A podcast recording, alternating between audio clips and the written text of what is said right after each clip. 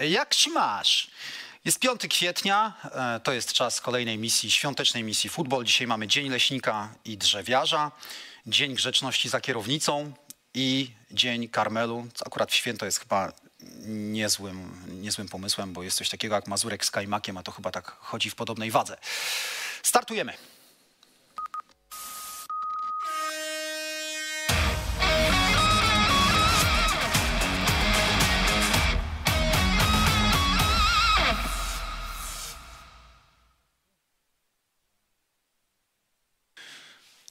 Podobno jeszcze nikt nie wynalazł lepszego pomysłu na świąteczny poniedziałek, jak śniadanie w połączeniu z misją futbol. A dzisiaj powiedzą Państwu, jak żyć, objaśnią świat. Jak jest? Bartek Gleń, kanał. Plus Sport, Łukasz Olkowicz, przegląd sportowy Dzień dobry. i drugi tata, bo mamy dwóch młodych tatów. I Tomek Ćwiąkała też, kanał Plus Dzień Sport. dobry. Wymieniliście się już uwagami. Tak, tak, tak, tak. tak. Przed Trochę starszy tata, trochę Tak, młodszy tata i zupełnie doświadczeni ale- ojcowie. Ale spania dużo nie ma. I oglądanie meczu też często. Z Wybiórczo. dzieckiem właśnie na ręce, przygotowanie, przygotowywanie do transmisji też jedną ręką na komputerze, dziecko śpi na drugiej. Ale tak to, słuchaj, tak to wygląda. trzymając jedno dziecko na ręku, mo- może, mogę ci powiedzieć tak. Bicepsy nie będą większe, ale plecy cię zaczną boleć. To, Mam to, świadomość. Wiesz co, tylko że u Tak mnie to jest etap taki, że już przestały. A, już, Że już to bolały do pewnego momentu, aż się przyzwyczaiły. Słuchajcie, e, dzisiaj w programie porozmawiamy sobie na pewno o reprezentacji Paulo Souzy, która ma za, co, za sobą kilkanaście dni i trzy mecze. E, I poprosiłem Was o, pewną zabawę, gdzie postaramy sobie wytypować zawodników, którzy na pewnych pozycjach dzisiaj są bliżej, może trochę da, dalej w kadrze reprezentacji Polski, ale to sobie zrobimy w drugiej części naszego programu. Oglądajcie, Wy też będziecie mogli swoje typy oddawać i ja będę zaglądał na czat, bo już mi tutaj odpalili kom komputer. Ja mam teraz komputer, ja się w ogóle nie muszę znać na robocie. Natomiast pierwsza część to jest jak zawsze rozgrzewkowo. Zapytam Was o weekend, który, y, który mamy, bo to był bardzo intrygujący weekend. Z jednej strony e, można odnieść wrażenie, że w kilku, w kilku ligach już e, kości zostały rzucone. Polska Liga, Angielska Liga, myślę, że Włoska Liga też, Bundesliga e, Też. po, po, po meczu Lipska z Bayernem Monachium. Z kolei są ligi, gdzie nam się sytuacja zaczyna gmatwać. To jest ulubiona liga też chłopaków, Liga Hiszpańska i Liga Francuska. Wasze wybory weekendowe, co was zafrapowało, co was zaskoczyło, co was zdziwiło, co was, co was przykuło do telewizorów. Wiesz, Zaczyna ja, byłem, ja byłem zachwycony meczem Lipska z Bayernem. Tym jak Nagelsmann przygotował chłopaków na Bayern, bo Lips pokazał klasę. Mało kto potrafi tak grać z Bayernem, czyli zepchnąć Bayern do defensywy, wychodzić spod pressingu. Długimi fragmentami Lips był lepszą drużyną, zresztą Nagelsmann po meczu powiedział, Pamiętamy o wyniku, pamiętamy, jaki był lepsi. wynik. Oczywiście, bo tu nam się pięknie Tak. kłania i to koresponduje z mentalnością Bayernu, tak? I gdyby, gdyby Lips miał takich gości jak Kimiś, Gorecka i Thomas Müller, to wówczas pewnie ten wynik byłby inny. No bez lewego ten mecz się wyrównał na pozycji napastnika, prawda? Obrona też gdzieś porównywalna, chociaż nie wiem, czy ze wskazaniem na Lipsk, ale jest jeszcze druga linia i tam grają mocarze. Ale jestem mimo wszystko pod ogromnym wrażeniem tego, jak można się przeciwstawiać Bayernowi przez długie fragmenty i kłania nam się no, ta słynna efektywność, prawda? Że jak masz sytuację, masz strzały, to musisz bić y, gola i Lips tego nie zrobił. I jeszcze słówko końcowe o, o Tomasie y, Millerze. Ja myślę, że gdyby po meczu go zapytać, Tomas, a w momencie dośrodkowania ilu było ludzi w polu karnym, to on by powiedział co do joty. Ma, ma taki zmysł, Mm. wydaje mi się ten facet, że zmysł i luz, taką inteligencję, Tak. którą, którą uwielbiam i, w ogóle tego gościa bardzo szanuję. To prawda. On zrobi wielką karierę w mediach to, to jesteśmy chyba tego wszyscy pewni. Lipsk tylko raz w swojej historii wygrał ligowy mecz z Bayernem Monachium. To był 2018 rok. Zapytam ciebie, Tomek, no bo troszeczkę patrzymy na Bayern już przez pryzmat tego, że za trzy dni w środę zagrają spotkanie z Paris Saint-Germain, zagrają bez Lewandowskiego. Ostatnie informacje są takie, że Rewanż też. że rewanż właśnie, że w rewanżu też go może brakować, e, w rewanżu przeciwko PSG. Czyli co, Choupo-Moting jednak z przodu, były gracz PSG, czy próbują na Gnabriego? albo kombinowanie właśnie z którymś ze skrzydłowych, na przykład z Sergem Gnabrim, no bo to jednak są tacy skrzydłowi, którzy dają bardzo dużo, jeśli chodzi o gole i asysty i Kingsley Coman się ogarnął i Serge Gnabry jest po prostu świetnym piłkarzem, ale też jeśli masz takiego zawodnika jak Leon Gorecka, bo też Thomas Miller apelował, że skoro brakuje Lewandowskiego, to niech będzie z Korecka, no i rzeczywiście to się też potwierdziło. To jest środkowy pomocnik, który ma fantastyczne wejście z drugiej linii, więc można spodziewać się, że, że Hansi Flick poszuka takich rozwiązań, jakich szuka często e, trener Lipska, czyli żeby środkowi pomocnicy strzelali gole, bo to jest największy problem Lipska, tak swoją drogą właśnie e, w tym sezonie, że troszkę szkoda, że nie udało się wykorzystać takich momentów kryzysu Bayernu, a to wynika w dużej mierze z tego, że o ile scouting Lipska jest fantastyczny na prawie wszystkich pozycjach, o tyle no jednak nawalili mocno z napastnikiem i, i dzisiaj brakuje tam takiego rasowego łowcy bramek, bo kimś takim nie jest ani Jusuf Sorlot Poulsen, będzie. ani Aleksander Sorlot, to nie jest żadna odpowiedź Mm. na Erlinga Halanda i gdyby dzisiaj Lipsk miał kogoś takiego, nawet Jak, nie jak, Lukaku, jak Lukaku, Tomek. to, no tak, ale nawet nie jak Timo Werner, tylko na przykład Andre Silva z Eintrachtu Mhm, Frankfurt, czy Wout Weghorst, to nie można wykluczyć, że ta walka o mistrzostwo toczyłaby się do samego końca. I nie wiem, czy teraz ja mam wybrać mecz. y, Wiesz co, myślę, że dajmy teraz, bo założę się, że wyjdziemy na chwilę z Bundesligi, ale coś takiego mam. Wrócimy, jeszcze do niej wrócimy. Czuję, że do niej jeszcze wrócimy, więc teraz, teraz Olo, ty. Jeśli... E, Ja to chciałem zacząć Twój od pozdrowień i nawiązując do reprezentacji Polski, bo też obiecał, że rozmawiałem z nim chwilę wczoraj, że będzie oglądał. Łukasz Skorupski, który dzisiaj Skorup nas dzisiaj ogląda? Mówił, ale szuka też fryzjera, bo dzisiaj Łukasz Skorupski wreszcie test negatywny i, i wychodzi z tej izolacji hotelowej na Wawrze. E, szuka fryzjera rozpaczliwie, więc wyobrażam sobie, jak on tam e, e, wygląda, ale też mi się skojarzyło, że ten jakby... Czekaj, poczekaj, poczekaj, czekaj. Skorup siedzi teraz w tej chwili w, w Wawer, po- Warszawa? tak, Twoje dzisiaj- okolice. dzisiaj Moje może- okolice. Skorup, nie znajdziesz żadnego fryzjera. Też Dajesz słowo honor, nie ma szans. E, Znam. Też mu to powiedziałem, ale to taka e, przemyślenia, że ten świat pognał. Interesowaliśmy się reprezentacją, a Łukasz Skorupski został w tym hotelu. E, przyjechał na kadrę jako trzeci bramkarz z minimalnymi szansami na grę. Przepadł mecz z Interem. Tak. Być może przepadnie mecz z Romą, bo teraz musi to A, wszystko... bo on cały czas siedzi w tej kwarantannie, No tak, rozumiem, w tym nie ćwiczył, hotelu. nie ćwiczył, bo, bo, bo nie mógł, e, raczej się oszczędzał. Także pozdrowienia dla Łukasza Skorupskiego, pozdrowienia dla Kuby Kwiatkowskiego, który też jest w hotelu. Mówię, świat gdzieś skupił się na czymś innym, a oni jeszcze... razem święta. Nie, nawet nie mogło się zobaczyć, także gdzieś pozdrowienia dla, dla obu panów. A z meczów bym wybrał e, drugą ligę polską. O! drugą ligę Ulala. Polska. Grubo. Z Kraczem Stochowa Chojniczanka. Już wam powiem dlaczego, bo raz, że to jest bardzo przyjemny futbol, e, zwłaszcza z Kraczem Stochowa. E, trener Marek Gołębiewski myślę, że, że długo nie popracuje w drugiej lidze, że gdzieś go tam wyżej któreś kluby skuszą. E, taka przyjemna, przyjemny futbol do oglądania, piłka ziemi, na ziemi, przemyślane akcje, atak pozycyjny, kontry, taka, taka różnorodność. Zapachniało Ligą Mistrzów, jak o tym I dzisiaj, y, dzisiaj w tym meczu zagrał Mariusz Holik. Dla mnie to bohater, bohater, ponieważ Mariusz Holik w trakcie sezonu zdecydował się oddać szpik. y, I ten szpik powędrował do Włoch, do, do młodej osoby. I, i, I podoba mi się też tłumaczenie dla Mariusza Holika, że on w trakcie sezonu wypadł, oni myślą o awansie, on powiedział, ale dla mnie no jest piłka ważna, okej, ale jest coś ważniejszego. I trener nawet trener, y, rozgrzeszył go, powiedział, że dla nas nie ma problemu, on wypadł, to jest podstawowy obrońca, wypadł na kilka meczów, no ale zrobił coś większego. I co ciekawe, trener też jest wśród, zapisany wśród dawców, także ja bym wyróżnił Mariusza Holika, bo, bo za wielki gest. Mariusza pozdrawiamy z tego, mocno z tego miejsca w takim razie. E, Członki?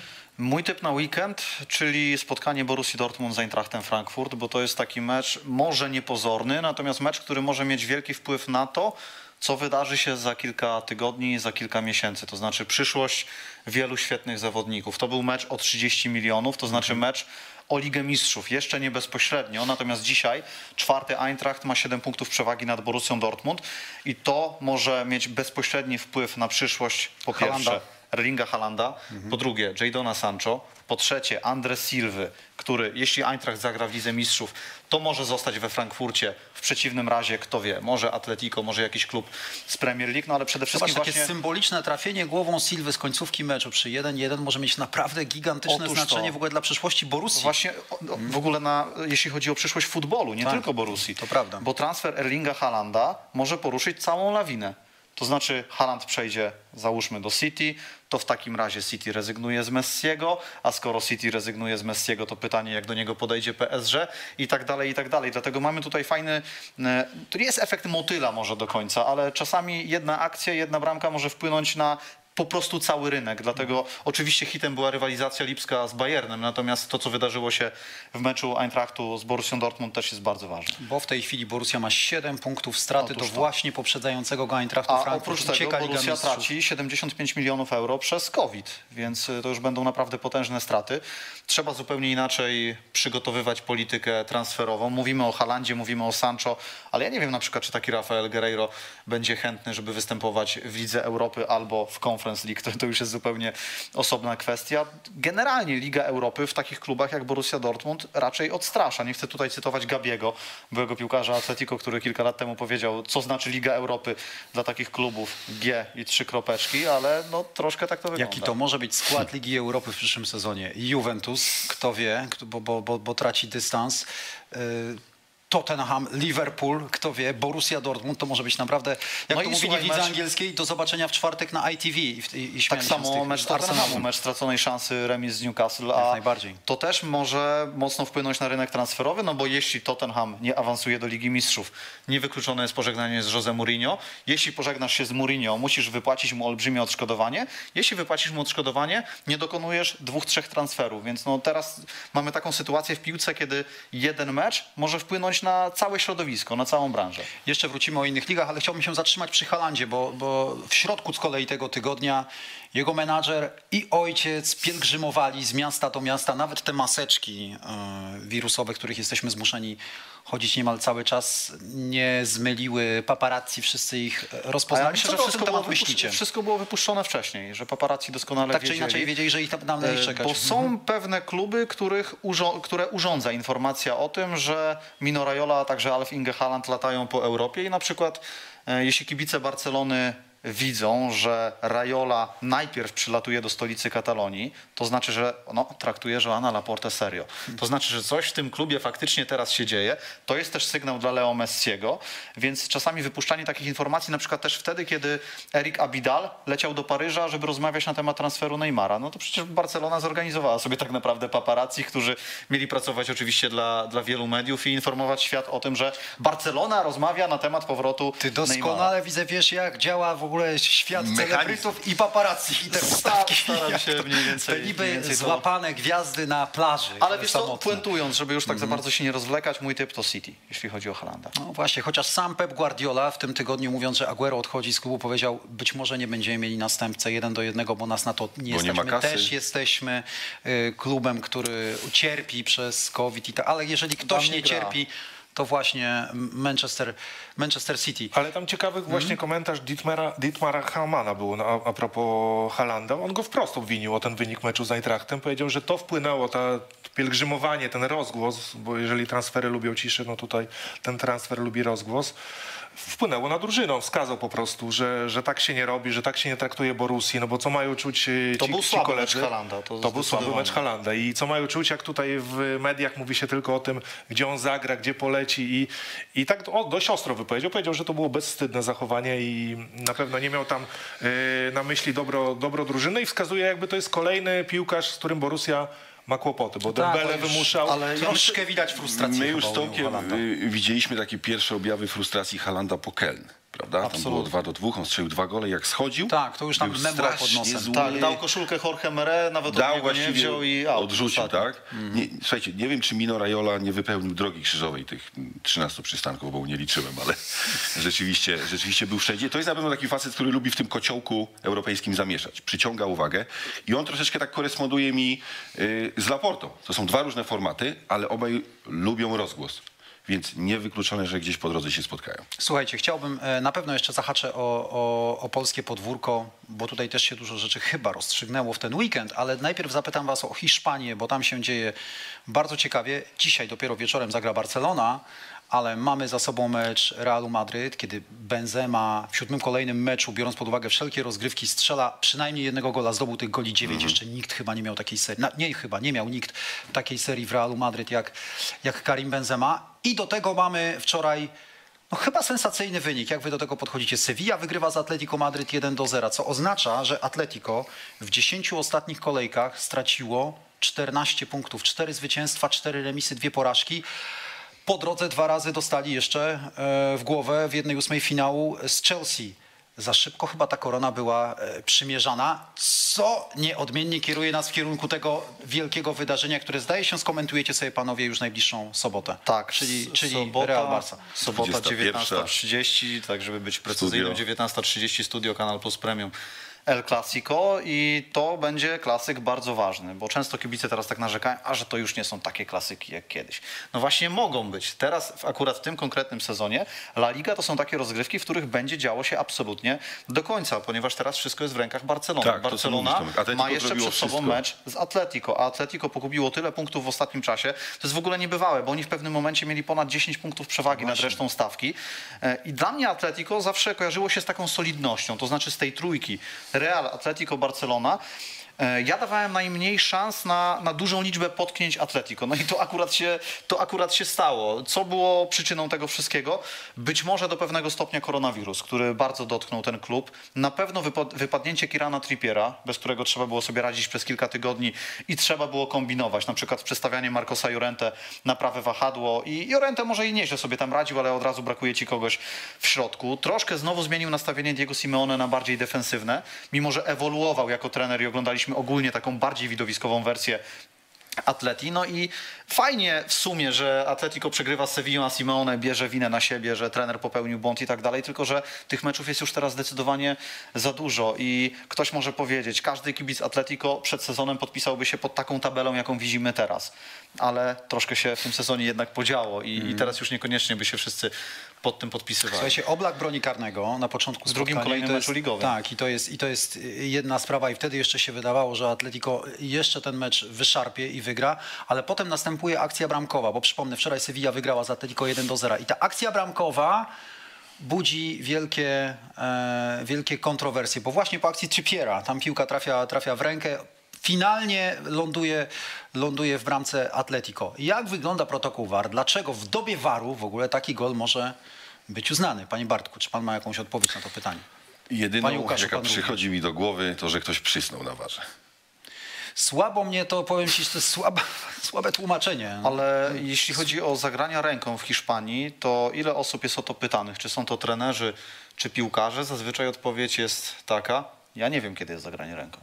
Zazwyczaj jest taka odpowiedź, a piłkarze mają szkolenia z sędziami przed sezonem. Tak więc no, po każdej kolejce, po każdym meczu praktycznie ktoś narzeka na to, na to sędziowanie i no, tak, taki jest klimat. niestety Wiesz, Tomek, no nie wyprostujemy tego, no, musimy się z tym mierzyć. To, to cały czas będzie jakiś galimatias i, i zamieszanie. Będziemy kwestionować decyzje arbitrów, sami piłkarze będą zamieszani. Natomiast wynik jest, prawda?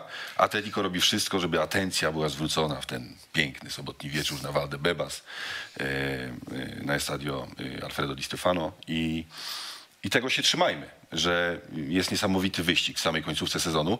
Zastanawiam się dzisiaj, bo tak, dopisujemy troszkę wirtualnie trzy punkty Barcelonie w starciu dziś. z Ale Realem jest- Valladolid, prawda? I wtedy będzie tylko punkt straty do Atletico. Natomiast ja się zastanawiam dzisiaj, co będzie z Nigelem de Jongiem i co, Frankiem. z Frankiem de Jongiem, przepraszam, i co będzie z y, Lionelem Messi, bo Kuman mówi, że nie ma odpoczynku, że gramy, nikogo nie poświęcę w imię El Clasico.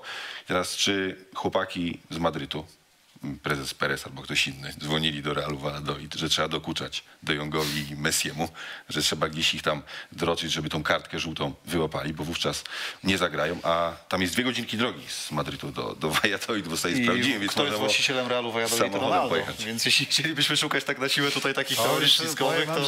uderzamy grubo w teorię. Jest, może Wyeliminujcie Messiego, my wam wyślemy Viniciusa na koniec. jest intryga. Ale będziemy dzisiaj oglądali wieczorem, czy rzeczywiście Franki i Leo Messi dostaną żółte kartki. To by rzeczywiście Jak się było, będą sprawować? Coś. Jak się będą sprawować. Zajrzyjmy do polskiej ekstraklasy. E, Olo, trener Runiaić przed, przed tym weekendem mówił, to jest, nawet chyba tak położył, zagrał w, jak na ruletce, w czerwone-czarne i powiedział, jak wygrywamy z Legią, gramy o Mistrzostwo Polski, jak nie wygrywamy z Legią, przyjdzie nam grać o, o, o wicemistrzowski, o, o- o drugie miejsce i o wicemistrzostwo kraju. Było już 0-4, skończyło się troszkę niższą porażką, ale jednak, ale jednak porażką e, Pogoni Szczecin. Legia? Tytuł? Potwory. Potwory. E, No tak jak był mecz Eintracht Borussia. Ja lubię takie mecze, że bezpośrednio drużyny sobie wyjaśnia- wyjaśniają.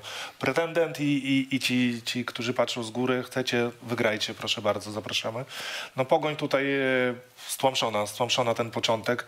W tym zalewie minus, y, minusów pogoni jeden plusik, że oni nie zwiesili głów przy tym 4-0, że jeszcze tam próbowali, chociażby te dwa, dwa gole to są takie, no mogli toczyć, ten me- mecz mógł się toczyć i 4-0 okej, żeby szybciej się skończył, natomiast oni... Na otarcie łez, Oni tak, ale, ale jakoś tak w miarę starali się zachować mm, twarz. No, y, Czesław Michniewicz 2,36 punktu na mecz y, od startu, no to to jest, to jest y, porażająca liczba, to jest porażająca liczba i, i gdzieś dobrze tutaj, wiadomo, że jeszcze drużyny nasze, które grały w pucharach, patrzymy pod tym Zobacz ten pasek, y, Olo, to, to rzeczywiście robi wrażenie, bo Pod jeżeli tym- trener Michniewicz miał być defensywnym trenerem, to zdobył 40 bramek w 19 Tylko ja meczach. jakby y, rozumiem tę dyskusję, ale pamiętam trenera Michniewicza z reprezentacji U21 z Pogoni czy z Termaliki. No jakieś były podstawy powiedzieć, że są obawy, jak będzie wyglądała Legia. Natomiast trener Michniewicz poszedł kompletnie w drugą stronę i stara się, y, stara się dominować.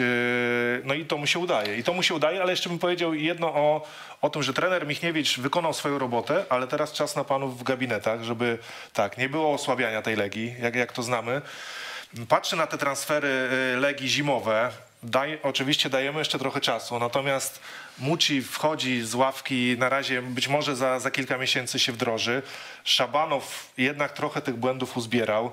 Rusyn y, w weekend y, odmówił gry w rezerwach i znając y, Czesława Michniewicza, to już łatwo mu nie będzie pracować Rusynowi z Czesławem Michniewiczem. On takiej niesubordynacji nie lubi.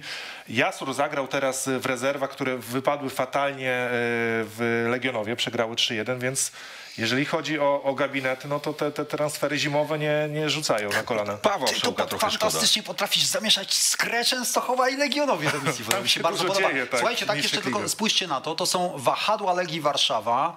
Jak oni grają od prowadzeniu systemu e, przez trenera Czesława Michniewicza. Jakie wielkie znaczenie mają Wszołek, Juranowicz i Mladenowicz. Tutaj proszę się e, nie łapać na zasłówka, bo przy Juranowiciu trzy mecze, trzy asysty. Y, Podsumowujemy w taki sposób, jeśli chodzi o asysty, tylko te występy, w których Juranowicz rzeczywiście grał nie na, nie na środku obrony, tylko właśnie na pozycji jednego z tych wahadłowych. I takie A on są grał na trzech, trzech pozycjach. No grał. więc otóż Prawe to. wahadło, lewe wahadło Tak jest. i półprawy y, w tym y, w tej Tak trójce jeszcze obrony. 12 na 22 bramki są z udziałem wahadłowych Ale tak jeszcze a propos, a propos stylu Czesława Michniewicza, bo jemu rzeczywiście przypięto łatkę trenera defensywnego. Ja uważam, że to był trener bazujący przede wszystkim na organizacji bardziej niż na stricte defensywie. Natomiast pamiętam taki wywiad, którego on udzielił kilka lat temu, pracując chyba jeszcze w Pogoni Szczecin i kiedy też musiał zmagać się z taką krytyką, że jesteś trenerem zbyt defensywnym. I Michniewicz powiedział takie jedno zdanie, które zapadło mi właśnie w głowie. Żeby grać piłkę otwartą, widowiskową, musisz mieć czterech kreatywnych piłkarzy. Jeśli przeanalizujemy sobie wszystkie kluby, które prowadził Czesław Michniewicz, to można sobie spojrzeć na te kadry i zastanowić się, czy faktycznie tych czterech kreatywnych piłkarzy do wystawienia w 11 miał. W Legii absolutnie ma, bo tutaj są piłkarze kreatywni i z przodu, i na tych wahadłach, co było widać także właśnie e, przed momentem na ekranie. Tak więc e, to nie musi być wcale trener defensywny. To jest trener, który, który stara się wyciskać maksimum ze swoich zespołów. Oczywiście często później dochodzi do jakichś tam różnych e, spięć i tak dalej. Nie wszyscy radzą sobie z wymaganiami. On też jest bardzo wymagającym trenerem. Natomiast ta jego praca w Legii pokazuje, że to nie jest trener stricte defensywny, tylko trener, który potrafi wprowadzić bardzo dobrą organizację. Jak miała grać reprezentacja U21 w starciach z potentatami? No miała, miała bazować na organizacji. No tak. Jak ma grać Legia w Ekstraklasie? No Legia ma czarować, ma gra, grać widowiskowo i prezentować porywający Ja wiem, że czasami nas udaje. tutaj widzowie krytykują, ci, którzy nas oglądają, że nadmiernie chwalimy Bartosza Kapuska. Kapuska znowu zagrał dobry mecz przeciwko Pogoni Najlepszy Szczecin. był, Potem się za, zamotał gdzieś, zachach pęcił na jakąś imprezę, na Ale której być co? nie powinien, ale, ale to z, jest z Kapustką inna, jest tak, że on wzbudza jakieś takie negatywne skojarzenia, mam wrażenie. Ja bardzo nie wiem dlaczego. Bardzo negatywne opinie. No może wśród- dlatego, że się jednak odbił od tej zagranicy i ludzie go trochę Pra- patrzą na niego w ten, przez ten prawdopodobnie, tak, a to, to nie jest ani tak zły człowiek, ani tak zły piłka, żeby na niego patrzeć tak skrajnie negatywnie. Może to nie jest jeszcze poziom reprezentacji Polski, żeby koniecznie dawać mu szansę, czy, czy w ani 11. zły człowiek, ani zły piłkarz, tak E, uważam. Więc I- e, trosz, troszkę mnie te- skrajne opinie w tym kontekście No, dziwią. słuchajcie, no z Legią jest tak, że tam każdy może ci strzelić. To musisz mieć świadomość, że jak wychodzisz na Legię, to musisz się przygotować Na na, pewno na zagrożenie z każdej strony. do, do, No tak, to do, do to jest niego. To Pecharta można przypilnować, ale wtedy pojawiają się wahadłowi. I teraz ja tak sobie to podsumowałem, bo mamy też Raków, który gra na wahadłowych, mamy Górnik Zabrze, który gra na wahadłowych. Natomiast no, nikt nie ma takich liczb jak piłkarze Czesława Michniewicza, prawda? I to też jest podyktowane jakością, no bo powiedzmy jak jest, no to są reprezentanci Serbii, prawda, Chorwacji, Paweł Wszołek, który ociera się o reprezentację Polski. Więc oni tego talentu, tych zdolności ofensywnych mają najwięcej i to super gra. Słuchajcie, coraz więcej drużyn gra na wahadłowych. Górnik Zabrze, mówisz, za półtorej godziny wybiegają na boisko, bo w lany poniedziałek mamy sporo, nie ma mecze. 12.30, hej, nasz przyjaciel Łukasz Trałka tutaj z kanału sportowego Gra Mecz e, w Zabrzu, dzisiaj sporo, sporo naszej ekstraklasy. Coraz więcej drużyn gra na wahadłowych, a jedna drużyna nie gra na wahadłowych, a wydawać by się mogło i coraz więcej takich głosów dobiega z Poznania, że ma ku temu zawodników, a nie gra na, na wahadłowych. No bo, no bo, bo, bo są tacy gracze, prawda? Kamiński, Puchacz, Puchacz. Czerwiński, możemy tak wymieniać i wymieniać. Lech Poznań w ten weekend odbyły się w sobotę tylko trzy spotkania naszej ekstraklasy. Jeden z tych meczów odbył się z udziałem Lecha. Pomruk, który dobiega z Poznania, to już nawet nie jest pomruk, to co się dzieje. Lech właśnie w tej kolejce, niektórzy się śmieją, to już jest takie bardzo złośliwe, że właśnie matematycznie stracił szansę na Mistrzostwo Polskie. Jest jednym z chyba tam z pięciu klubów, ale to naprawdę no bardzo źle świadczy o Lechu. Mamy początek kwietnia, Lech, Lech się już nie liczy. Olo. No ja powiem tak, że na początku sezonu uwierzyłem w Lecha, e, wierzyłem w to, bardzo mocno im kibicowałem, bo chcieli coś nowego w tej naszej lidze pokazać i, i nagle to zbankrutowało. To zbankrutowało w połowie poprzedniej e, rundy. Widzimy już Lecha takiego dyszącego, takiego nie, nieprzyjemnego też do, do oglądania, męczącego siebie, męczącego przede wszystkim swoich kibiców. Co ciekawe, Lech podoba się na przykład, rozmawiałem z Łukaszem Piszczkiem w grudniu, to pamiętam, bardzo chwalił Lecha, teraz Cezary Wilk, czyli ci ludzie patrzący z zewnątrz, nie, nie, nie kiszący się tutaj w naszym sosie, bardzo cenią Lecha za to, co chciał zaproponować i oni mówią spokojnie, e, niech e, wytrzymajcie, to, to musi przynieść owoce. Nie Natomiast chcę, nie, chcę, nie chcę od- z- zakładać, że czy Czarek, czy, czy Piszczu oglądają niektóre mecze Lecha Poznań, albo to najbardziej na świeczniku, jak te mecze jeszcze z eliminacji Ligi Europy, czy początku Ligi Europy, ale chyba nie oglądają wszystkich. Nie, nie. Łukasz Piszczek oglądał, także mówił jakby Wszystkie? prosił, apelował o cierpliwość. Na pewno, Okej. być może mówię, coś widzieli, ale teraz chyba już i nie rozmawiałem z nim na temat Lecha. Ciekawe, Przestał jak sobie odbierać. teraz powiedział. Mnie zastanawia na przykład y, no, no, ci piłkarze, którzy przestali robić te postępy. Puchacz jest cieniem y, Puchacza z jesieni. Szatka, oglądałem go w meczu Słowacja-Rosja, bardzo przyzwoity, dobry występ. Tutaj jest rezerwowym w Lechu Poznań. Sykora, który przychodził z dobrymi liczbami, właśnie wyróżniał się asystami w, w Slawii Praga chociażby. Tutaj na 15 meczów w lidze dwie asysty, zero goli. No ja tu czegoś nie rozumiem, czy ci piłkarze po prostu się nie przestali się rozwijać. I, i to jest dla mnie taka zagadka, gdzie, gdzie jeszcze nie widzę odpowiedzi na to, bo, bo gdzieś ci się chowają decydenci z Lecha, trener Żuraw mówi ciągle o wyciąganiu wniosków. No bo, tak, bo, te legendarne wnioski. Słuchajcie, Tak. czat o to pyta, to ja was zapytam, ale tak bez owijania w bawełnę. Żuraw, tak czy nie? Czy to, czy to jeszcze ma... y, No wiesz, no, Mam czy to jeszcze ma, pamięci- czy to jeszcze ma pamięci szansę się tę- Ligę? Europy, ale no chyba nie. Chyba nie. Tak, ja myślę, myślę, że coś się wyczerpało, że Lech ma jeszcze podrygi, natomiast na dystansie całego meczu już nie daje rady. Jest kruchy mentalnie i trener nie może tego usprawnić. No to było widać w meczach z Jagiellonią, Białystok, prawda, kiedy Lech miał zwycięstwo na wyciągnięcie ręki, teraz z Krakowią też prowadził i, i oddał w sumie i piłkę. No z Rakowem e, ten mecz, pamiętacie, i cały mecz, i trzy punkty. Trener Żuraw mówi, że, że przeciwnicy dużo krzyczą i, i dokuczają Lechowi na boisku i to wpływa na postawę piłkarzy Lecha, że nie mogą wyeksplorować swoich talentów. Słuchajcie, Drift Boy pisze na czacie, dobra, koniec o Ekstraklasie, pora pogadać o piłce nożnej. No to dobra, to jeszcze wróćmy na chwileczkę do Ligi Angielskiej, bo oglądałeś. Wiem, Oglądałem. że miałeś ochotę przyjrzeć się Jakubowi Moderowi, grającemu niekoniecznie na swojej reprezentacyjnej pozycji, bo to już nas wprowadzi trochę, trochę w to, o czym chciałbym porozmawiać w drugiej części programu. I co?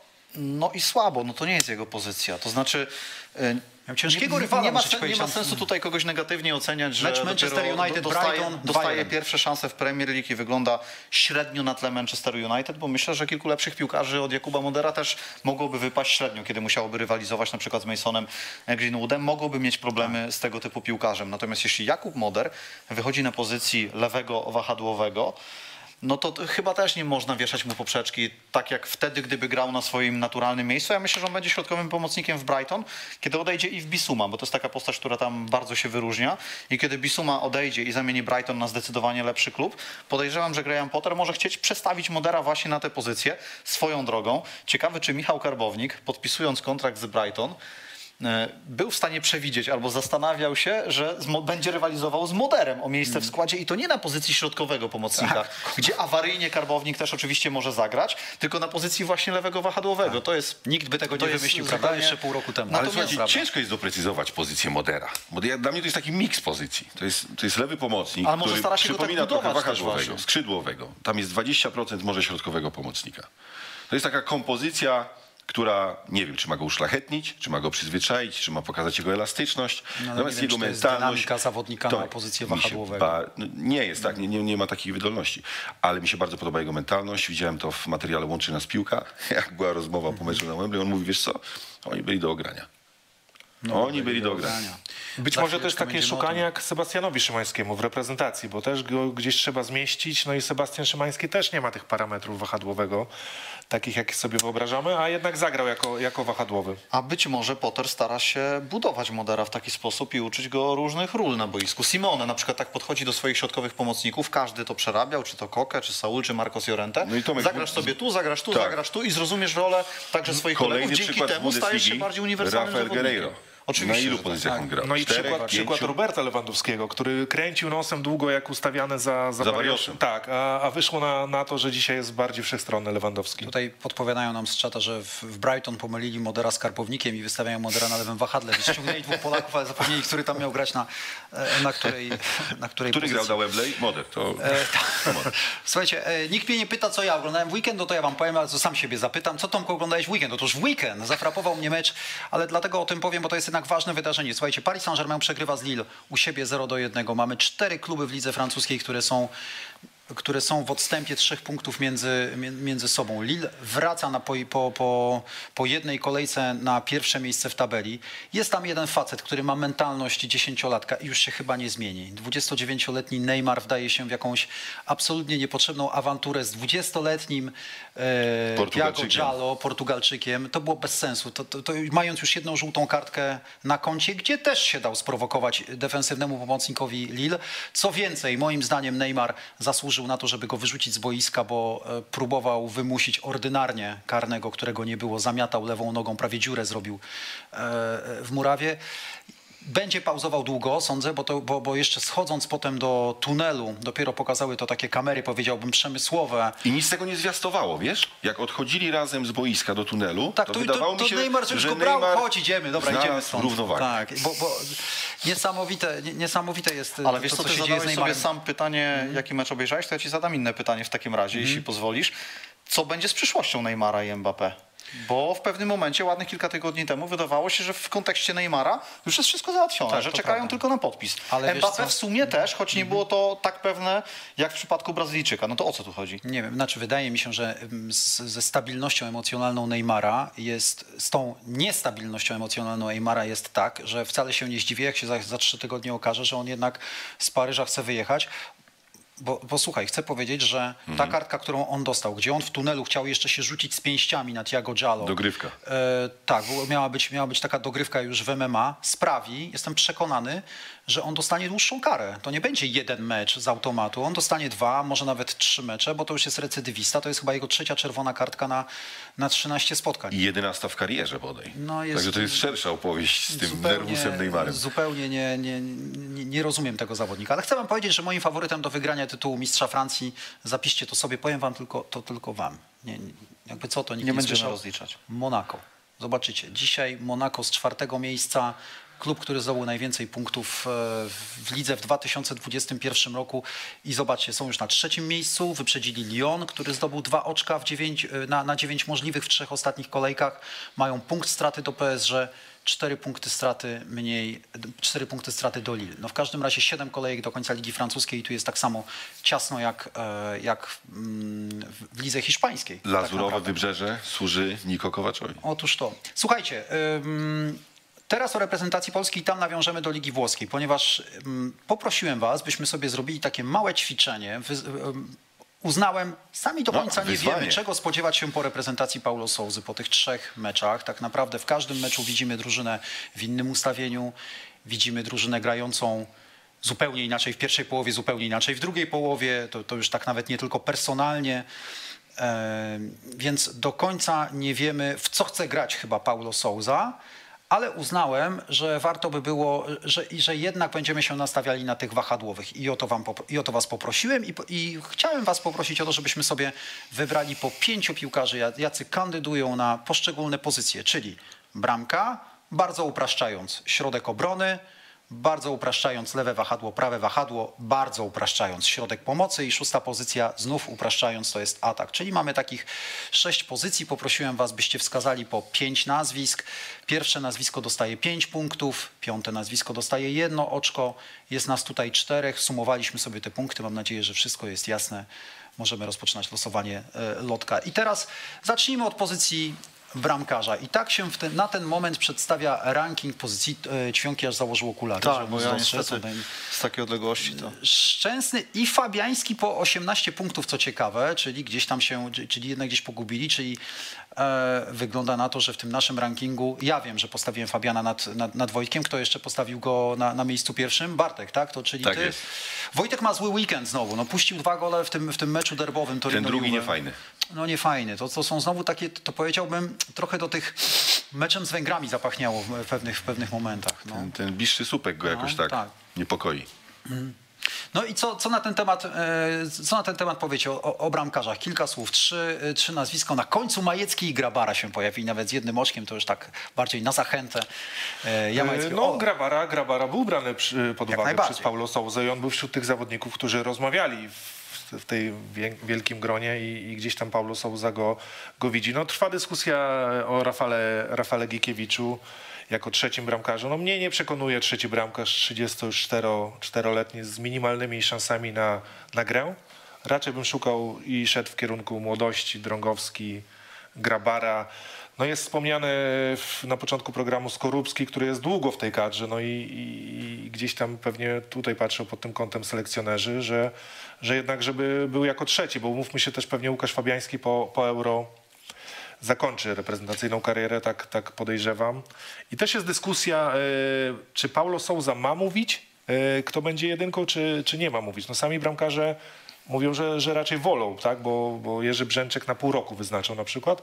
Adam Nawałka też wybierał e, co mecz i, i gdzieś tam tutaj chyba lepiej wskazać po prostu, kto jest jedynką i on wie jak przyjeżdża. Zastanawia mnie właśnie Łukasz Fabiański, który no, przyjeżdża jako dwójka, i mówię, gdzieś po, po euro pewnie już, już gdyby miał być tą, tą, tym numerem dwa, to pewnie będzie chciał zakończyć reprezentacyjną karierę, podejrzewam, bo, bo przyjemniej spędzić czas z rodziną niż jechać na zgrupowanie, gdzie masz w wieku 36-7 lat małe szanse na grę. Wasze zdanie, Ćwiąki, na temat bramkarzy. Dla mnie numer jeden Szczęsny po prostu jest lepszym bramkarzem niż Fabiański. Niezależnie od tego, że, że ma słabszą formę, to rozumiem tutaj ten wybór, że Szczęsny powinien być jedynką. Jeśli chodzi o dwójkę, wiadomo Fabian, a numer trzy Igikiewicz jest świetnym bramkarzem, rozgrywa naprawdę fantastyczny sezon w Bundeslidze, ale też uważam, że to jest taka dyskusja troszkę zastępcza, kto będzie tym trzecim bramkarzem, bo raczej jest małe, małe prawdopodobieństwo, żeby on szansę dostał i dla mnie zdecydowanie Bartłomiej Drągowski. No to też tak naprawdę, słuchajcie, wiele, wiele zależy od tego, jak długo reprezentacja Polski pozostanie w grze podczas Mistrzostw Europy. Im więcej ma spotkań, a niestety em, no może się przeplątać, odpukać jaki, jakiś wirus, no chyba, że dojdziemy do tego, że już na Mistrzostwach Europy wszyscy piłkarze będą zaszczepieni. Oto też były pytania swoją drogą, dlaczego e, nasi reprezentanci nie zostali zaszczepieni nawet poza kolejką. Wiadomo, że to jest bardzo w tej chwili jeszcze Drażliwy. drażliwy, Drażliwy temat, temat. drażliwy temat. To jest oczywiste po, po, powiedzmy, e, po powiedzmy przypadku pani Krystyny Jandy i tak dalej, i tak dalej. Natomiast Swoją drogą, no, nie było szans na zaszczepienie polskich, zaszczepienie piłkarzy podczas zgrupowania, bo oni za kilka dni grają pierwszy mecz, a po szczepionce no po prostu jesteś osłabiony, musi być dojść druga szczepionka. Nie ma, na- nie ma czasu tak naprawdę zaszczepiać tych piłkarzy w ogóle, bo, ich, bo oni non-stop są w grze. Środek obrony, Bartek, i tutaj sobie zajrzymy. Mówimy o hierarchii wśród bramkarzy. Takiej hierarchii nie ma, a po przynajmniej e, nie ma na zewnątrz wśród środkowych obrońców. Glik to nigdy nie był ulubieniec kolejnych trenerów reprezentacji Polski, to za chwileczkę pokażemy Państwu Na taką, starcie. taką plan. Na starcie, na starcie, oczywiście, na starcie. E, Helik zaczyna od pierwszej minuty pierwsze spotkanie, w drugim meczu ląduje na trybunach. Można to uznać jako karę. W trzecim meczu znowu jest w wyjściowym składzie. To, jest, to, to są takie ruchy, to są odważne ruchy trenera Paulo Souzy. Niektórzy by, ale każdy medal ma dwie strony. Niektórzy powiedzą, że się trochę miota Paulo Mhm. Souza w tych swoich wyborach. Na pewno kombinuje. Ja też uważam, że Paulo Souza się lekko pogubił. No, ta ścieżka w tym trójmeczu kadry Kamila Glika też jest znamienna, prawda, że od rezerwy do, do kapitana na Wembley. Także to też pokazuje, że weryfikuje swoje stanowisko Paulo Souza, że troszkę chyba za mocno uwierzył w Michała Helika, w jego gotowość do reprezentacji Polski. Tam pojawiły się pomyłki. Oczywiście to, co wydarzyło się na Wembley, to, to nie jest cała jego odpowiedzialność, bo, bo wcześniej piłkę e, stracił e, Piotr Zieliński, który się pogubił w rozegraniu. On mógł taką bardzo ładną kontrę nam wyprowadzić. I to mnie szczerze mówiąc zmartwiło. No chciałbym, żebyśmy mieli e, stopera lewonożnego. Chciałbym, żebyśmy mieli stopera lewonożnego. wprowadzającego piłkę najlepiej No właśnie, i to by nam usprawniło. Y, I, i, I na Sebastiana Walukiewicza bardzo czekam. No, ja jestem entuzjastą jego talentu. Odkąd go widziałem w Pogoni Szczecin, prawda, jak on dojrzewał.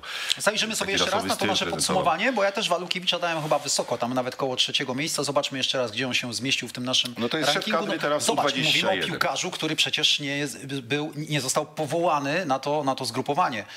E, A, tutaj w, tej naszej, w, tym naszej, w tym naszym podsumowaniu trafia mimo wszystko na, na trzecie miejsce. Ale to by oznaczało, Łukasz, też tak trochę wysnuwam, nie wiem jakie były wasze konkretne głosy, bo ich nie widziałem, że niektórzy piłkarze na tym trzymeczowym zgrupowaniu reprezentacji Polski wcale się do składu nie zbliżyli na euro, a wręcz przeciwnie się oddalili, skoro stawiamy tak wysoko Walukiewicza, którego nie było, prawda? A może przybliżył się też Kędziora, chociaż tutaj z tej No ankiety to, to No bo- niekoniecznie tak, tak. wynika.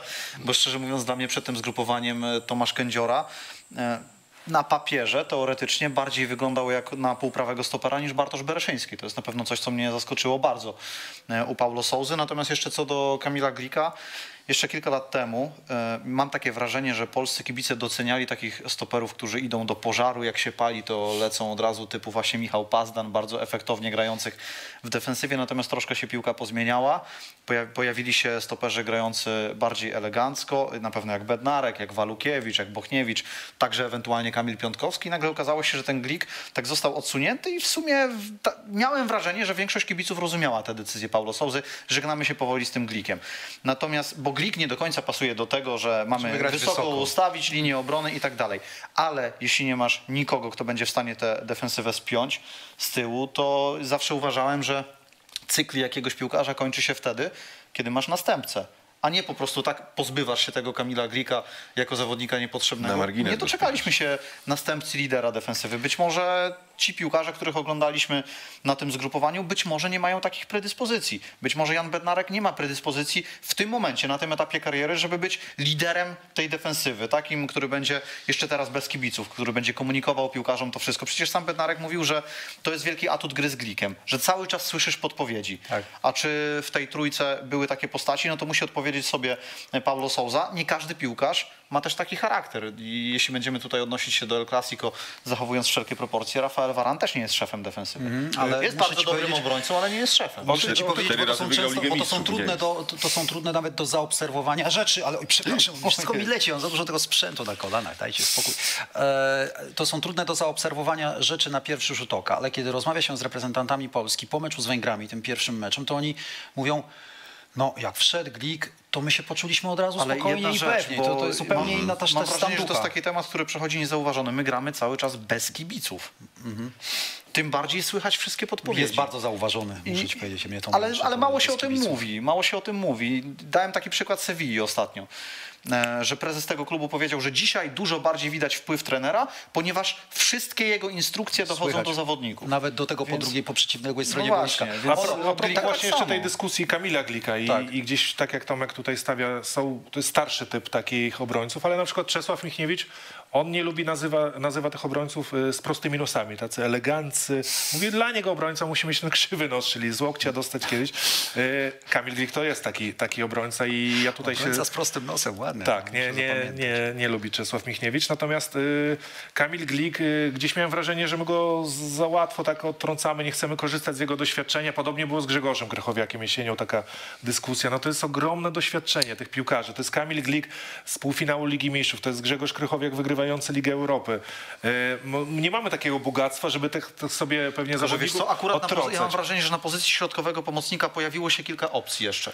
I Ale niestabilnych, To, niestabilnych. To Jak się pokazało, bo z jak- beznadziejną formą jak- Krychowiaka wtedy. Tak, ale Więc jak bieda jeszcze wróciliśmy, do pewnego jak wróciliśmy do, do Krychowiaka, wróciliśmy do Glika i taki mój e, apel, prośba, żeby naprawdę korzystajmy z tego doświadczenia, bo to nie jest, nie mamy takiego bogactwa, żeby takich piłkarzy pomijać. I ten Kamil Glik w kadrze przy e, Walukiewicz przy nim, być może Kiwior dołączy, Bednarek, no niech się uczą, niech czerpią. e, No bo, no bo też taka jest rola tego najstarszego obrońcy. No mamy doświadczonego obrońcy i korzystajmy z tego doświadczenia. Kiwior to już się może chyba oglika nie otrzeć. No ale może, zobaczymy. Ktoś tutaj nam pisze na czacie, ktoś o pseudonimie Tak Tak Słuchaj napisał, że Glik wszedł i zawalił bramkę z Węgrami. No, super lider. No, prawdą jest rzeczywiście, że z Węgrami to cała defensywa ma coś na sumieniu i za pazurami, i bramkarz, i, i obrońcy. Każdy, e, każdy z nich pewnie po trochu. E, Zajrzymy sobie teraz na prawe wahadło, pozwólcie. To znowu są nasze typy od 5 do 1, naszej czwórki. I jak zwrócicie uwagę, Bereszyński, który na pozycji środkowego obrońcy, tego prawego środkowego, tak go sobie y, dostał 5 punktów, tutaj dostaje punktów 11. No bo znów y, był próbowany w różnych systemach i w różnej grze. Na pewno Bereszyński Ja mam takie zdanie na temat, na temat Bartka, że on niczego nie robi super. Nie jest ani techniczny, ani szybki, ani jakiś tam, ani przesadnie dobrze nie wrzuca, nie atakuje. E, Pewnie lepiej broni, chociaż akurat para Bereszyński Hedik miała duże problemy w meczu z Anglikami, z Raheemem Sterlingiem, ale kto ich nie ma e, w Europie, to widzimy chociażby po meczu z Leicester z ostatniego tygodnia. No i tak wygląda prawe wahadło. Tutaj nawet tam malutkimi literkami, jak ktoś się dobrze e, dopatrzy, widać i Karbownika, i Czerwińskiego, i nawet Kowalczyk, i nawet Gumny się gdzieś tam załapali. Zobaczcie, ile nazwisk, ile nazwisk, a tak cały czas mam wrażenie, że mm, poza Jóźwiakiem i tutaj znów kłania nam się Paulo, eksperyment Souza, e, no, no to, to jest Jóźwiak, to jest chyba największy wygrany tego zgrupowania, a człowiek, który w najważniejszym meczu może na Wembley siedzi na ławce rezerwowych. No jest to pewna niespodzianka i niektórych decyzji Paulo Souzy, Paulo niektóre decyzje trudno było podpadł, zrozumieć, tak, choćby tak, tak. pod kątem wystawienia Sebastiana Szymańskiego na tej pozycji, bo szczerze mówiąc to nie jest dla mnie piłkarz. Chyba nikt tam Szymańskiego nie postawił na prawe wahadło. Już się, ale ale sam Pocheta- Paulo Souza go tam nie wstawił. Wiesz co, Pocheta Smoku, był ja staram się zrozumieć Souzę. No on sobie wyobraził, że to jest odwrócony skrzydłowy z wiodącą nogą do środka, rozumiem, ja że rozumiem. będzie schodził Tylko, na ktoś uderzenie, go tworzył tam- przewagę w szerokości pola Ktoś go karnego. musi dublować na, na, na prawej Tak, stronie. no wiesz, Paulo jest było. entuzjastą stylu ofensywnego, chce trzymać piłkę przy nodze, długo rozgrywać, no nie zagrało. Natomiast ja chciałem powiedzieć, że Bartek Bereszyński do mnie trafia na pozycji jednego z trzech środkowych obrońców bliżej prawej strony i Kamil Jóźwiak jako wahadłowy obok niego. Myślę, że ta dwójka ma taki fajny dialog i wypełniłaby tą prawą stronę w sposób i dynamiczny, i odpowiedzialny. Bartek Bereszyński jest wystarczająco doświadczony i, i, i szybki, i dynamiczny, żeby troszkę urozmaicić ten trzyosobowy blok obronny. To, to mi troszkę nawiązuje do, do Legii, gdzie Juranowicz, prawda, był obok tych, tych dwóch dużych ludzi. I nie wiem, czy sam Bartek by chciał spróbować, to znaczy tak na stałe, prawda, w kadrze. Czy, czy to by było coś, gdzie by się odnalazł. Ale myślę, że to jest taka ciekawa opcja. I on daje taką Mhm. też, też atut szybkość. No, będzie najszybszym w tej trójce na pewno, co widzieliśmy przy golu pierwszym e, w Budapeszcie, że to on był tym, który próbował e, gonić, więc jeżeli chcemy grać wysoko, za co ja, ja trenera bardzo chwalę, e, to Bereszyński się przyda, bo, bo to jest ta szybkość, którą, którą on zapewnia i której nie ma Kamil Glik, Michał Helik i Jan Bednarek chociażby. Chcę zapytać Ciebie, Tomek, czy, e, bo jakby to słowo eksperyment cały czas wraca przy Paulo, przy Paulo Souzie i ścierają się dwie szkoły, Falenicka i Otwocka. Niektórzy mówią, że okej, te mecze są Paulo Souzie potrzebne, żeby mógł sobie właśnie poeksperymentować, popróbować różne ustawienia taktyczne i różnych zawodników, bo kiedy niby ma to robić. Ale szkoła Otwocka mówi, my nie mamy czasu. To są po pierwsze dla nas już bardzo istotne mecze, bo chwilowo wychodzimy z tych eliminacji z dorobkiem punktowym czterech oczek na dziewięć możliwych. To nie jest dobry dorobek, umówmy się, nic, ni- nic dobrego się nie stało w tym czasie. No a po drugie, za sekundę mamy już kolejne zgrupowanie, to będzie to zgrupowanie czerwcowe i my ciągle nic nie wiemy. Czy nie fajniej byłoby na przykład ogrywać coś, co się tutaj tak na pierwszy rzut oka sprawdzało, czyli parę Bereszyński, Jóźwiak na tej prawej stronie, o czym właśnie, o czym właśnie No, być może tak, ale reprezentacja zmarnowała mnóstwo czasu i trochę szkoda, A to już że... mówisz jesienią, Trochę tak? szkoda Jeszcze właśnie, że, że ktoś taki jak Paulo Souza tak bardzo nastawiony na eksperymenty, bo nie No, to oszukujmy tutaj się, że... do okrótka pana prezesa. że Zbigniew Boniek decydując się na Otóż to. takiego selekcjonera, przeprowadzając z nim pewnie dziesiątki rozmów w tym czasie, dyskutował na temat personaliów, dyskutował na temat systemów e, taktycznych i wiedział, że Paulo Souza będzie eksperymentował i że będzie szukał rozwiązań nieoczywistych. Souza, z tego co mówią reprezentanci, między innymi w wywiadach w przeglądzie sportowym, wykorzystuje tę przerwę między zgrupowaniami, żeby pracować, żeby wysyłać materiały wideo, żeby tłumaczyć piłkarzom, czego on konkretnie od nich oczekuje, co nie jest normą w przypadku wielu selekcjonerów, więc to na pewno jest na plus, ale uważam, że błędem było to, że Jerzy Tak długo pracował, bo skoro ta reprezentacja po prostu się nie rozwinęła i chcieliśmy postawić na trenera elastycznego, kreatywnego i bardzo odważnego przy swoich decyzjach, bo są za tymi decyzjami, on przyznaje się do błędów, ale też tymi decyzjami pokazuje, że od samego początku mamy absolutnie nowe otwarcie i odcinamy się od tego, co było wcześniej, więc on siłą rzeczy musiał mieć w głowie taki margines błędu, że no zdobędziemy te cztery punkty, poeksperymentuje sobie, no i zobaczymy, co będzie dalej. No, No nie, tylko jest, czas- nie jest to, czas jest- nie czas jest jest to bezpieczne, natomiast ja szczerze mówiąc mam większe pretensje do PZPN-u tutaj niż do Pawła No, ja, ja nie też uważam, że straciliśmy Wiem, że pewnie ktoś będzie dzwonił Liga po programie, Narodów. ale... No, pewnie tak. Zaraz nie- z życzeniami ale świątecznymi. To nie jest kosmetyka, tylko mamy do czynienia z rewolucją, no bo jest tak, nowe ustawienie, nowe postaci w kadrze i nowy sposób gry. Więc y, no byłoby super, gdyby to się udało. Są cztery punkty, jest mniej niż obiecywał sobie Robert Lewandowski, czy, czy zakładał, prawda, bo on mówił o sześciu punktach. Y, I to jest taki minus te, tego, tego trójmeczu, że, że mamy jeszcze wiele pytań. No tam y, y, te pierwsze połowy zastanawiają i był moment w meczu z Anglią na początku, że było 83% posiadania Anglii. To był, to był reprezentacja z najgorszych koszmarów.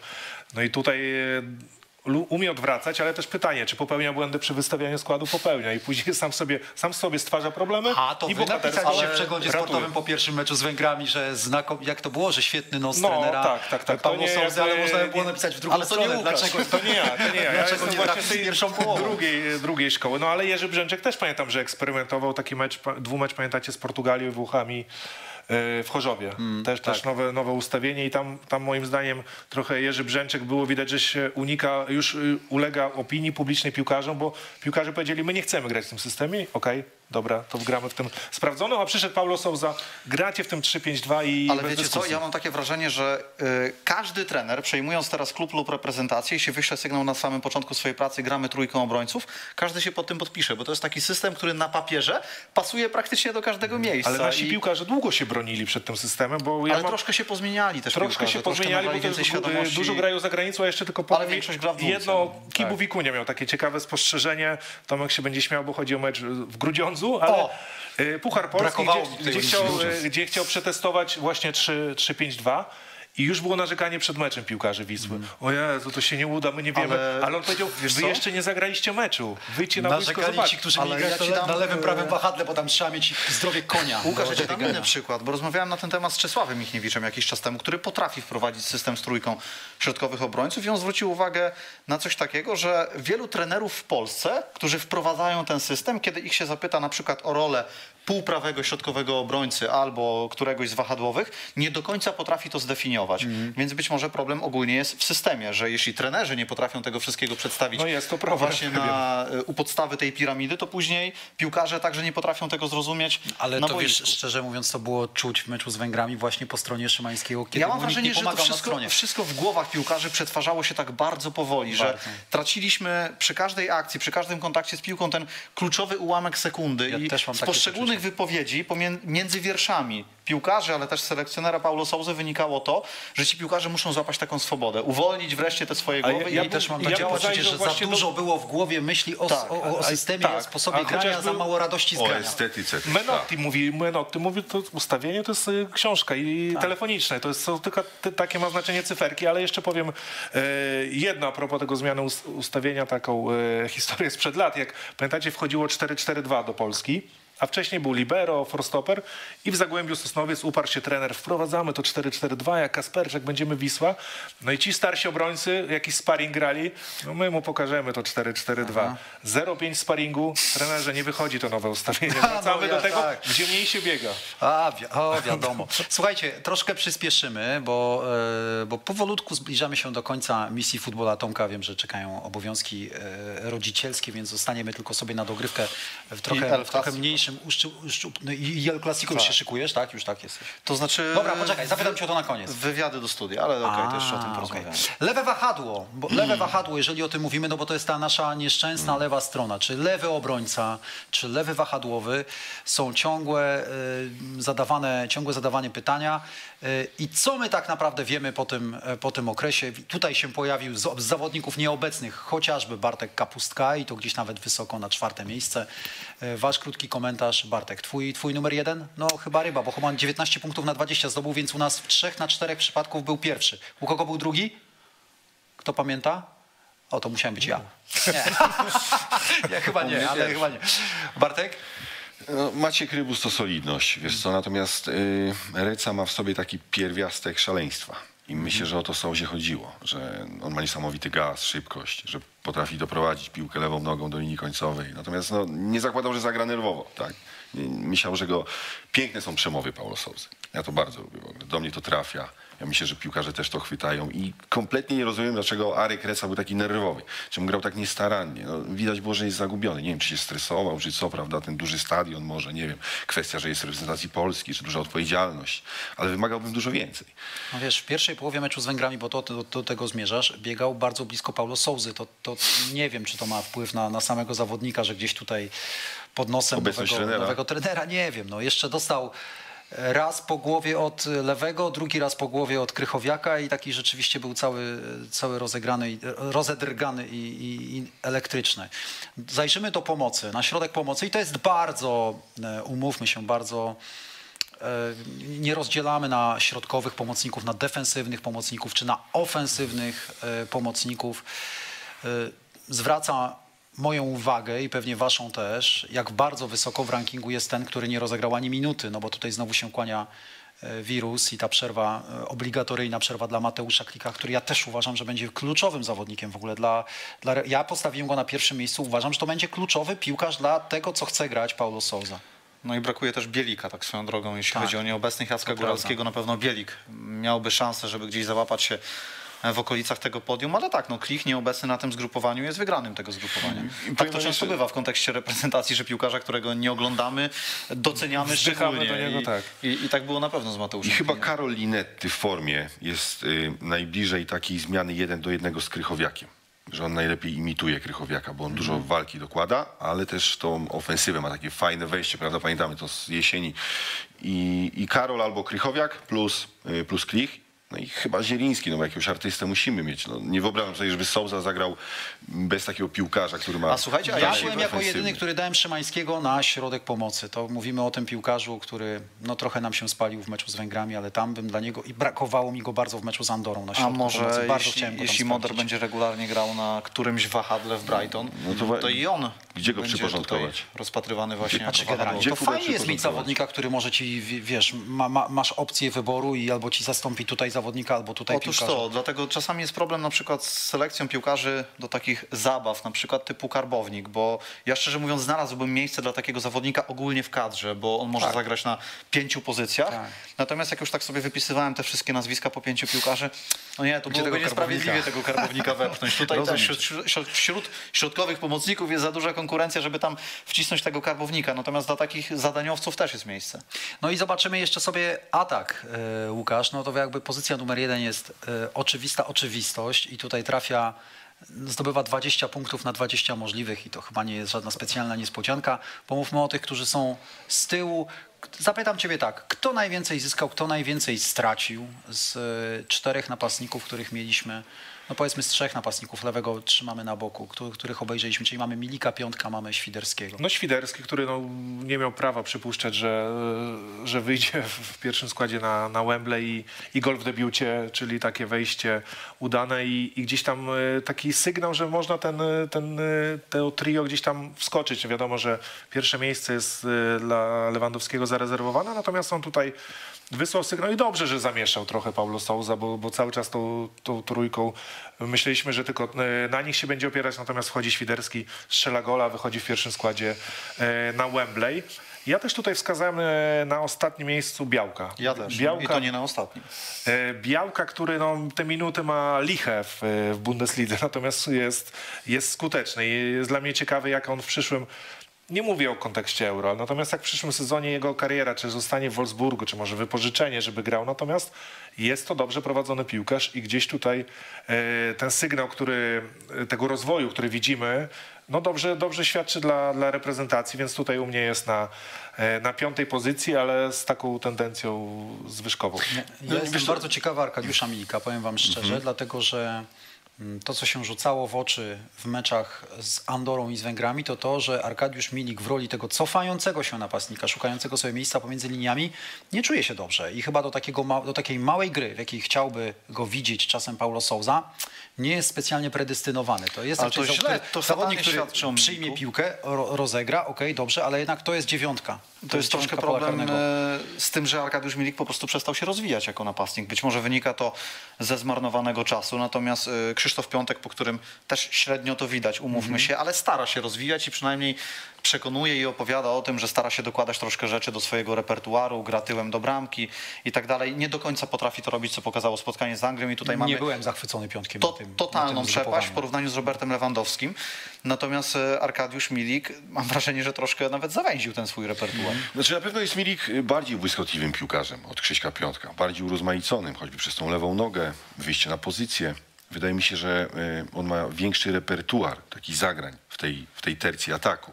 I, I Tomek, ja muszę powiedzieć, że wczoraj widziałem no, większość meczu Marsylii i podobał mi się Milik, bo dzielił się piłką, bo dzielił się piłką, bo zabierał obrońców, bo wbiegał w takie strefy, które mogły wyprowadzić go na asystę, prawda? On powinien mieć w ogóle asystę. No, tam jest- Także ja tam widziałem takiego Milika, który, ja nie, nie wiem czy rośnie, ale, ale jest takim już no, dojrzałym, dojrzałym napastnikiem. I teraz pytanie, czy Souza mm, będzie chciał grać na dwóch napastników, no bo na, na podstawie tego, co pokazu, pokazujesz, prawda, na podstawie tych wszystkich nazwisk, mamy szerokość kadry. Mamy. Natomiast trzeba się opowiedzieć już, myślę, z wyborami konkretnymi, prawda? No bo ile, ile może trwać to zgadywanie, żonglerka, rzucanie piłkarzy na pozycję, doprecyzować. W Marsylii rzeczywiście gra na pozycji numer 9 i takiego wysuniętego napastnika, to na niego mają być kierowane e, te piłki z bocznych stref, bo tego nam bardzo generalnie brakowało reprezentacji Polski, tych boków do meczu, e, no do meczu z Andorą. Znaczy w meczu z Andorą takśmy w jednej, w jednej z tej połowie forsowali te ataki, ale ty, z kolei tylko wtedy mieliśmy takie rozwiązania. Mm, Jeszcze tylko powiem, że Milik miał wczoraj, nie wiem czy widziałeś tę sytuację, tam było takie jedno zdarzenie, że Luis Enrique mógł mu dograć piłkę i pewnie miałby za chwilę gola Milik. Natomiast Luis Enrique dał radę podać piłkę do jednego, jedynego obrońcę Dijon, jaki stał w polu karnym. Naprawdę trzeba się było mocno postarać, żeby mu tę piłkę zagrać. Lepiej się zepsuć nie dało. Nie dało się. Lepiej się tego zepsuć nie dało. Słuchajcie, Liga Mistrzów, e, Liga Mistrzów będzie wracała w trakcie całego tygodnia. Jeszcze sobie na ten temat porozmawiamy. Na pewno dwa słowa już w trakcie dogrywki. Tak wyglądają ćwierćfinały Champions League i nasz magazyn Najlepsza Liga Świata w czwartek. Ja chcę wam powiedzieć, że to hitowe spotkanie Bayernu Monachium Paris Saint-Germain będzie biedniejsze o kolejnego zawodnika, bo e, 30 Verratti. minut przed programem, ta- nie, nie, posłuchaj, 30 minut przed programem okazało się, że już nie tylko Marco Verratti, który nie zagrał w weekend przeciwko Lille, bo już ma, bo wiadomo, że ma COVID Tak.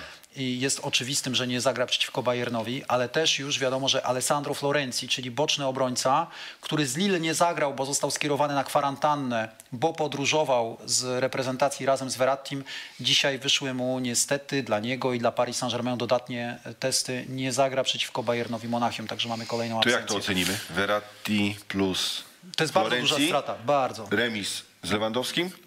Czy nie do końca? No myślę, słuchaj, że Verratti tyle znaczy dla Paris Saint-Germain naprawdę, ile Lewandowski dla Bayernu Monachium. Naprawdę jest to I ja ufam tobie. Tomku. Tak, uwierz mi, że to tak, e, tak może być. To jeszcze powiedz Siłonki, co na koniec, bo na dogrywkę ci nie zostawimy. E, jeszcze raz, studio, Tak, która godzina, co tam się będzie działo? Warto oglądać czy nie warto? 19.30 warto oglądać. Mamy kilku, kilku ciekawych gości w No to studiu. jakich? No to- to nie, to teraz dobrze, żeś mi nie to po- powiedział, Po no. kolei. No, proszę, o, E, konkret, już. Arsene Bum. Wenger, O, Hector Bellerin. wpadają? Niestety nie.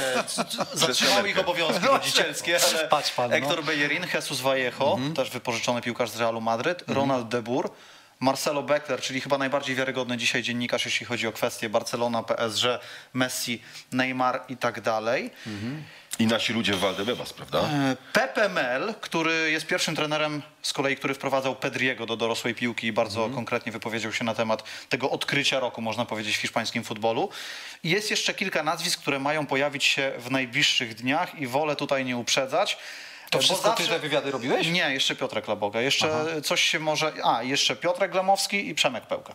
Okej. W każdym razie coś się zawsze może wysypać, więc wolę tutaj nie uprzedzać faktów, bo, bo różnie z tymi gwiazdami bywa, ale jeśli, jeśli jedna rzecz wypali, no to będzie wielka postać z historii Realu Madryt.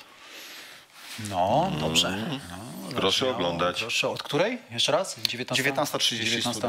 A od 19.30. 20.55 pewnie. Mniej więcej nas wpuszczą na antenę. Oglądajmy, Tak. ciekawa, ciekawa jest Liga Hiszpańska w tym sezonie. E, Bartek i Łukasz jeszcze ze mną zostaną na, na dogrywkę. Tomkowi dziękujemy. Tomek Ćwiękała, Dziękuję Kanał bardzo. Sport. Pierwszy raz u w kanale sportowym, tak? Pierwszy na, raz, tak, Słuchaj, tak. Na, w tej, jak Ci się podoba nasze studio? Całkiem sympatycznie. Całkiem sympatycznie. To dobrze, bo będziemy zmieniali. Rzucę sobie okiem na... Książkę też, tak? Tak, fajnie. Dam ci. O, Coś, dziękuję. no, coś wyniesiesz w końcu z tego programu. Dziękujemy bardzo. Tak Widzimy się liczyłem, że lada chwila e, w dogrywce na kanale sportowym Ekstra. Oglądajcie nas i bądźcie z nami. family.